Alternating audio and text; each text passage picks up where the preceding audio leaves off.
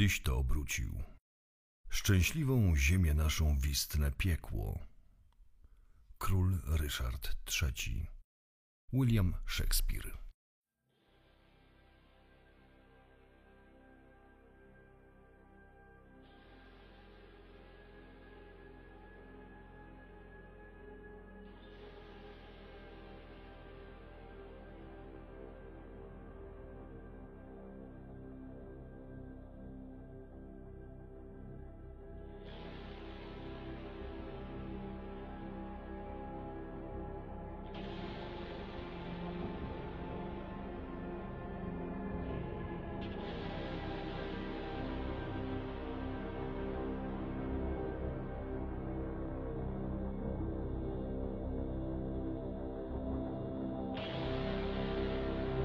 Nowy Dwór Mazowiecki.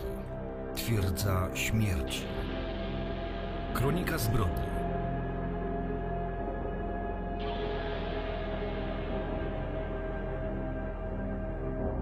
Początek. Upadek bloku wschodniego w 1989 roku doprowadził w Polsce do szybkiego rozwoju zorganizowanej przestępczości, wykorzystującej słabość władzy oraz organów ścigania. Mafijna dekada lat 90. to czas budowania ogromnych fortun, spektakularnych wydarzeń oraz niezwykle krwawej wojny, niosącej za sobą wiele ofiar po każdej ze stron gangsterskich porachunków. Ale zanim do tego dojdzie, musimy cofnąć się w czasie, kiedy to w latach 70.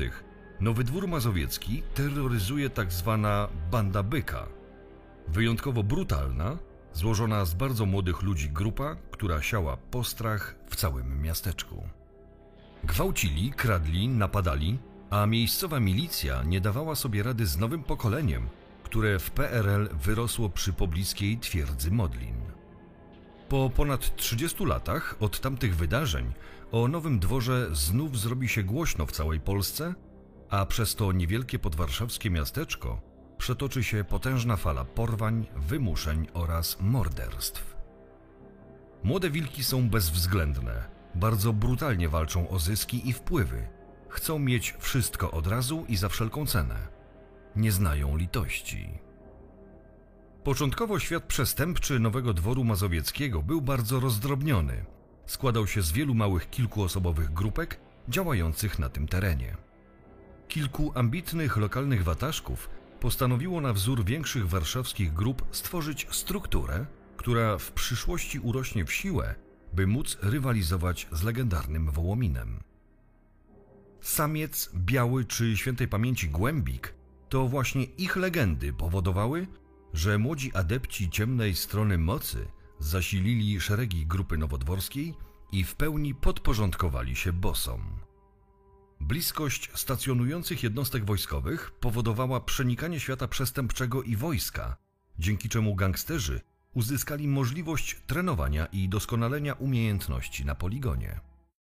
Niedofinansowana policja była słaba i bezradna w obliczu świetnie zarabiających bezwzględnych gangsterów. Wszechobecna korupcja wiązała ręce policji, a gangsterzy czuli się coraz bardziej bezkarni. Grupa z każdym rokiem stawała się coraz liczniejsza, wchłaniając i podporządkowując okoliczne tereny jak Zakroczym, Płońsk czy Modlin. I to właśnie próba inwazji na tereny twierdzy Modlin stała się zarzewiem konfliktu, który pociągnie za sobą głośne i krwawe wydarzenia. Bracia Dariusz i Grzegorz K. urodzili się i wychowali na terenie twierdzy Modlin, dzielnicy Nowego Dworu Mazowieckiego. Działali w branży samochodowej, żyli z paserstwa, Kupując kradzione pojazdy, w swoim warsztacie rozbierali je na części, by potem sprzedać na giełdzie w Słomczynie. Bardzo chłonny rynek powodował, że był to intrantny proceder, a wpływy sięgające kilkudziesięciu tysięcy złotych miesięcznie inwestowali w nowe projekty. Radząc sobie świetnie finansowo, zaczęli skupiać wokół siebie miejscowych, kolegów oraz sąsiadów. Przestępcza konkurencja szybko została dostrzeżona przez potężniejszą i szybko poszerzającą swoje wpływy grupę z Nowego Dworu.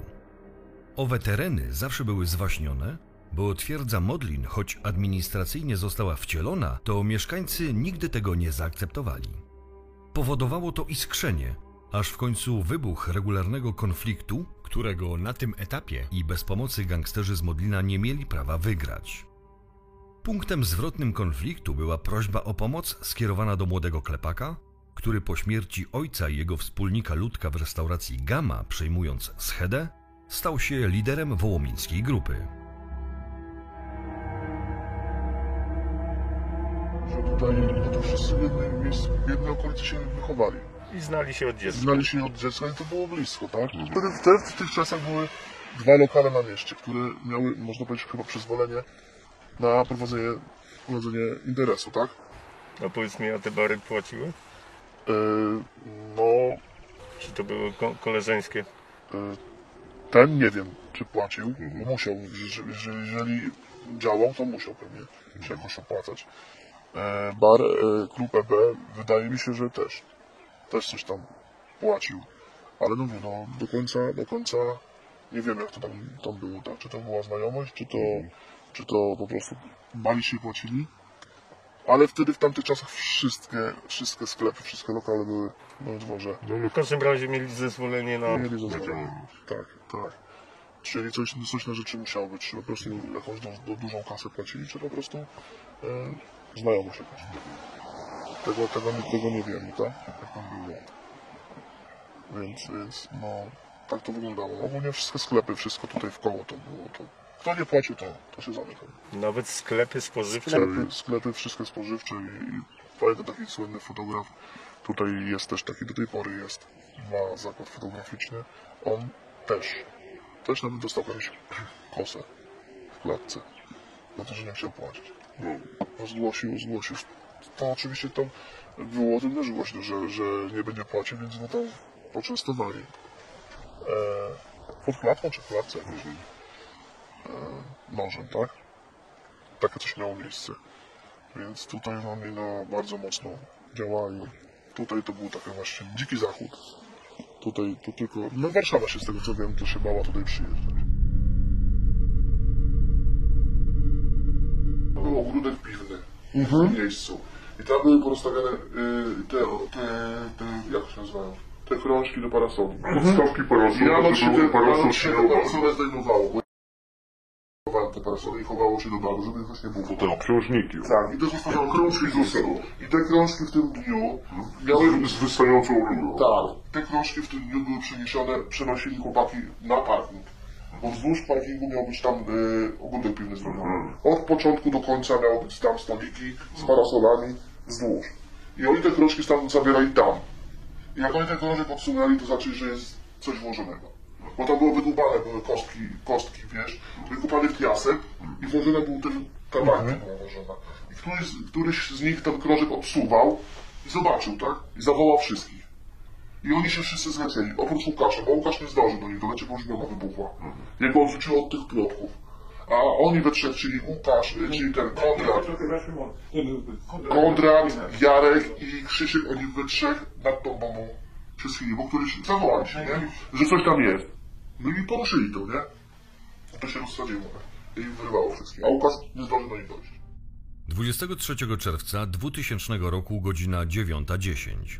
Miasteczkiem wstrząsnęła potężna eksplozja pięciokilowej bomby podłożonej pod jednym ze stolików w pubie EB w centrum Nowego Dworu.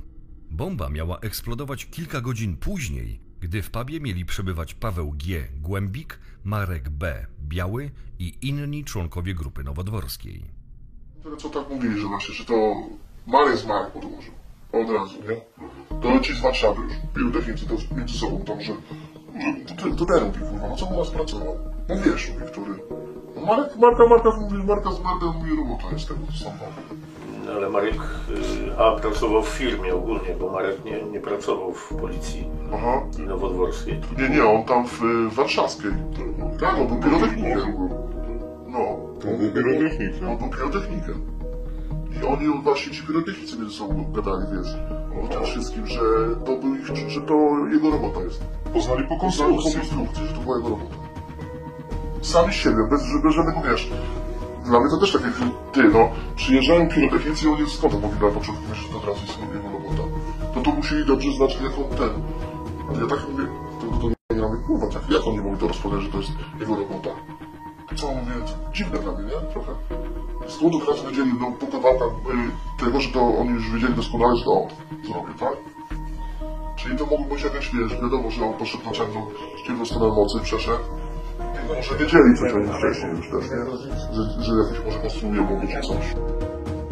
Gdyby ładunek eksplodował planowo, czyli wieczorem, kiedy pub był pełen gości, ofiary byłyby liczone w dziesiątkach. Na miejscu zginęli wszyscy, którzy byli przy budynku. Ciało 25-letniego Krzysztofa policjanci znaleźli na dachu.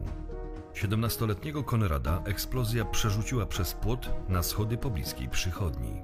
Ciało 36-letniego Jarosława, współwłaściciela klubu, leżało pod lokalem.